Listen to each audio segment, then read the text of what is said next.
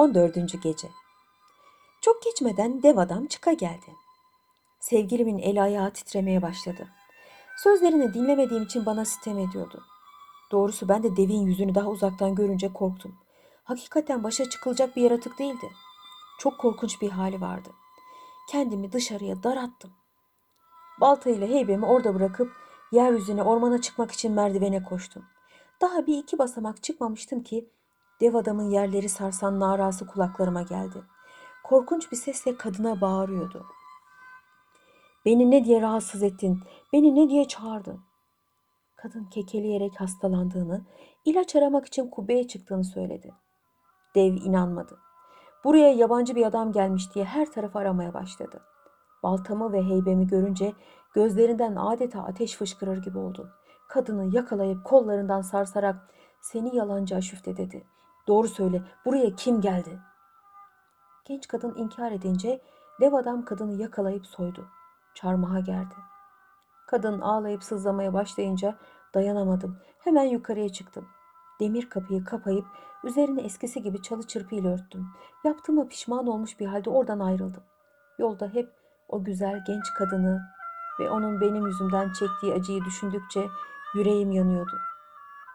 Terzinin yanına vardığım zaman onu merak içinde buldum. O zamana kadar nerede kaldığımı sordu. Başımdan geçenleri anlatmaktan çekinerek bir yalan söyledim. Sonra yattığım yere çekilip uyumak istedim. Gözlerime uyku girmedi. O genç kadının hali gözümün önünden gitmiyordu. Birdenbire terzi yanıma geldi. Yabancı bir adamın beni görmek istediğini, sabah erkenden işine giderken ormanda unuttuğum balta ile torbayı bulduğunu ve sonra sonra buraya geldiğini anlattı. Büyük bir korku ve heyecan içinde dükkana çıktım. Adamı görünce rengim sarardı. O sırada terzinin bir iş için dışarıya çıkması beni büsbütün fena bir duruma düşürdü. Dev adam korkunç bakışlarıyla beni tepeden tırnağa kadar bir süzdü. Kendimi kaybettim. Aradan ne vakit ne kadar vakit geçti bilmiyorum. Gözlerimi açtığım zaman kendimi dev adamın köşkünde buldum. Kadın hala çarmıha gerili duruyordu. Vücudu yara bere içinde kalmıştı. Dev adam beni göstererek işte buldum getirdim dedi. Kadın beni hiç tanımadığını, daha ilk defa gördüğünü söyleyince hemen onu serbest bırakıp eline bir kılıç verdi. Öyleyse şu kılıcım da hemen onun kellesini uçur dedi. Kadın kılıcı alıp yanıma yaklaştı. Ona göz işaretiyle bana kıymamasını söyledim. Hemen kılıcı elinden attı. Bunu gören dev adam bu sefer kılıcı bana verdi. Şu hain kadının başını kes, seni serbest bırakırım dedi. Kılıcı alıp kadına yaklaştım. Bana öyle bir bakışta baktı ki anlatamam. Bunun üzerine deve bu kadının günahsız olduğunu ve bir şüphe üzerine adam öldürmenin doğru olmadığını anlattı. Dev adam söz dinlemedi.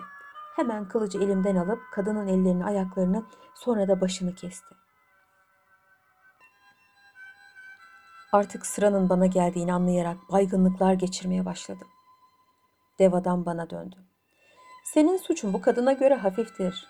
Seni öldürmeyeceğim dedi. Yalnız ağır bir ceza vereceğim. Seni maymun şekline sokacağım. Bu sözleri işitince düşüp bayılmışım. Ondan sonra ne olduğunu bilmiyorum. Gözlerimi açtığım vakit kendimi bir dağ başında buldum. Sırtım kamburlaşmış, burnum yassılaşmış, bir maymundan farksız olmuştum. Ağlaya ağlaya dağdan dağa günlerce yürüyerek bir deniz kıyısına geldim. Orada bir gemi duruyordu. Bir kayanın arkasına gizlendim. Bir yolunu bulup gemiye bindim. Bir aralık geminin kaptanı beni gördü. Yakalayıp denize atmak istediler. Kaptana yalvarıp yakardım. Gemiyi kiralamış olan tüccarlara beni göstererek şu maymun gibi herife şefaat eder misiniz? Kaçak olarak gemimize binmiş dedi. Adamlar bana acıdılar. Kalmama da ses çıkarmadılar. 50 günlük bir deniz yolculuğundan sonra büyük bir şehre vardık. Tüccarlar oraya mallarını boşalttıktan sonra şehrin hakiminden bir elçi geldi. Elinde büyükçe bir kağıt vardı. Kaptana ve tüccarlara Efendimizin selamları var. Kendisi yazı meraklısıdır. Şu kağıda her birinizin birer ikişer satır yazı karalamanızı rica ediyor dedi. Onlar yazdıktan sonra Elçinin elinden kağıdı kaptım. Şu kıtayı da ben yazdım. Yazan er geç olur toprak. Yazdıkları kalır geri. Onun için yazmaya bak, hep faydalı hoş şeyleri. Kaptanla tüccar yazımı beğendiler. Onu elçiye vererek bundan daha iyi yazı yazılamayacağını söylediler. Elçi bu yazıyı alıp hükümdara götürdü. Bilginleri, şairleri çok seven hükümdar benim yazımı çok beğenmiş. Beni sarayına davet etmiş. Oraya yollandık. Benim halimi görünce şaşa kaldı. Senin gibi maymundan farksız bir adam bu yazıyı nasıl yazar dedi. Çok zengin bir sofra hazırlanmıştı. Sofraya oturduk. Karşılıklı yemek yedik. Yemekten sonra bir köşeye çekilip bir kağıda yemek çeşitlerine ait birkaç satır karaladım. Hükümdar bunları görünce çok beğendi. O sırada büyük salona getirilen satranç masasını göstererek bu oyunu bilip bilmediğimi sordu. Bildiğimi söyleyince yanına çağırdı. Beraber oynamaya başladık. Onu iki partide yendim.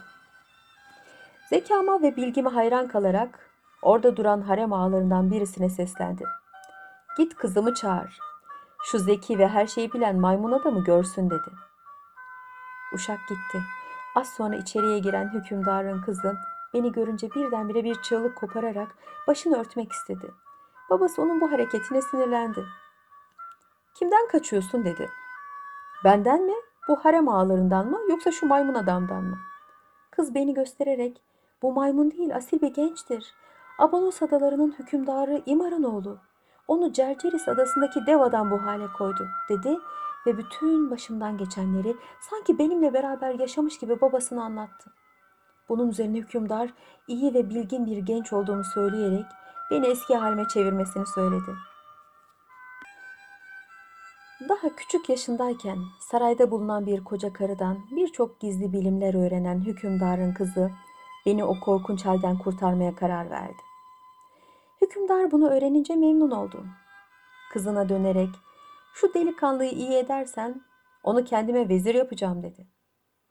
Bunun üzerine hükümdarın kızı eline bir bıçak alarak yerde bir daire çizdi.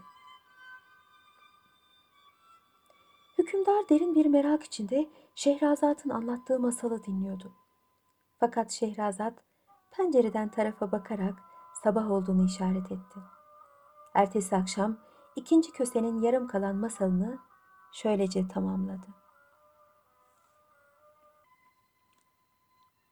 15. Gece Hükümdarın genç kızı salonun ortasında bir daire çizdikten sonra anlamadığım bir dilde bir şeyler okumaya başladı. Çok geçmeden ortalık duman içinde kaldı. Göz gözü görmez oldu. Duman kaybolunca salonun ortasında benim felaketime sebep olan dev adamın durduğunu görmeyeyim mi?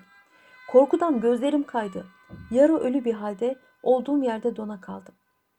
Dev adam hükümdarın kızına beni ne diye çağırdın? Hani birbirimize sataşmamaya and içmiştik diye çıkıştı. Genç kız sert bir sesle ona bağırdı. Senin gibi bir hainle anlaşma mı olur? Dev adam şimdi bir aslan kesilmişti. Korkunç dişlerini göstererek kıza saldırdı. Kız hemen saçlarından bir tel alarak onu kılıç yaptı ve onunla aslanı iki parça etti. Fakat birdenbire aslanın başı kocaman bir akrep oldu. Kız bunu görünce büyük bir yılan şekline girip ona saldırdı. Bu sefer dev adam bir atmacı oldu. Kız da kartal olarak üzerine saldırdı. Böylelikle her ikisi de türlü türlü şekillere girerek birbirleriyle savaştılar. Nihayet hükümdarın kızı dev adamı yok edebildi. Fakat bu korkunç savaşta çıkan bir ateşten benim bir gözüm, hükümdarın ayakları sakatlandı. Bir hareması da can verdi. Kız düşmanını yere serince yanıma yaklaştı. Nasıl yaptı bilmem. Çabucak beni eski halime çevirdi. Yalnız gözümün körlüğüne çare bulamamıştı. O sırada nereden geldiğini bilmediğimiz büyük bir ateş parçası genç kızın üzerine düştü. Onu kurtarmaya vakit kalmadı. O kahraman ve bilgili kız kül haline geldi. Bunu gören babası çok üzüldü. Beni yanına çağırarak oğlum dedi. Senin ayağın buraya uğursuzluk getirdi. Hayırlısıyla hemen bu ülkeden çık git. Talihsizliğimi ağlayarak o şehirden ayrıldım. Halimi Halife Harun Neşid'e anlatmak üzere Bağdat'a geldim. Tesadüf beni bu arkadaşlarla karşılaştırdı. İşte hikayem bundan ibarettir. Bunun üzerine küçük kız, senin hikayen de çok meraklıymış dedi. Hadi selam verip buradan çık. Köse gülümseyerek, diğer arkadaşların da hikayelerini dinlemeden çıkmak istemiyorum dedi. Müsaade ederseniz memnun olurum. Kız peki der gibi başını salladı. O sırada üçüncü başından geçenleri anlatmaya başlamıştı. Üçüncü kösenin hikayesi.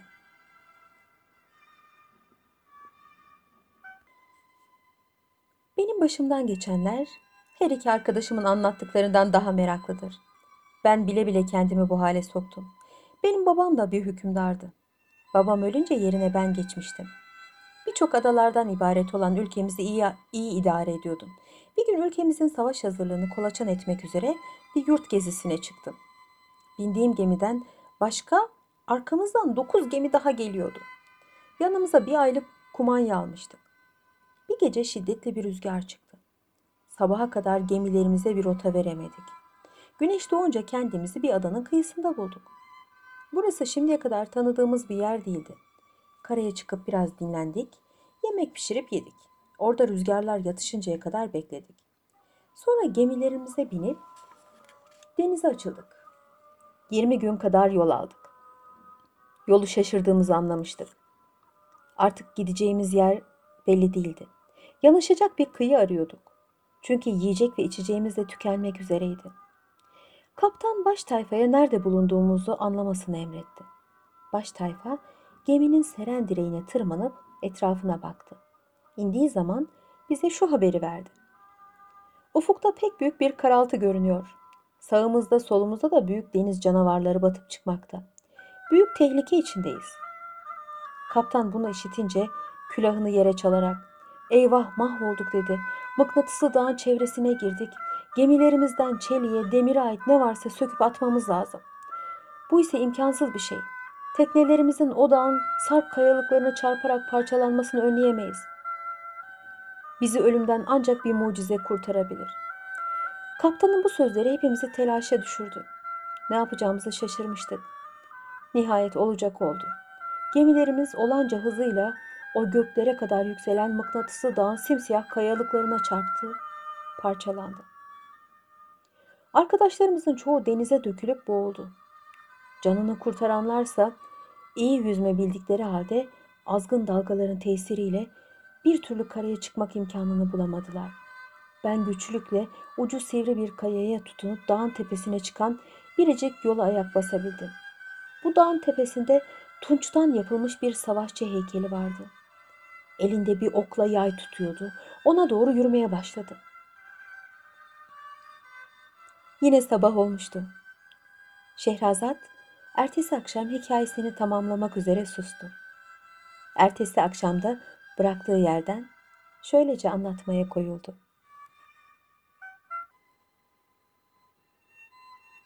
On altıncı gece.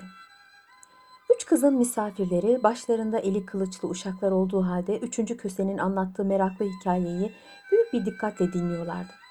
Üçüncü köse hikayesine devam etti.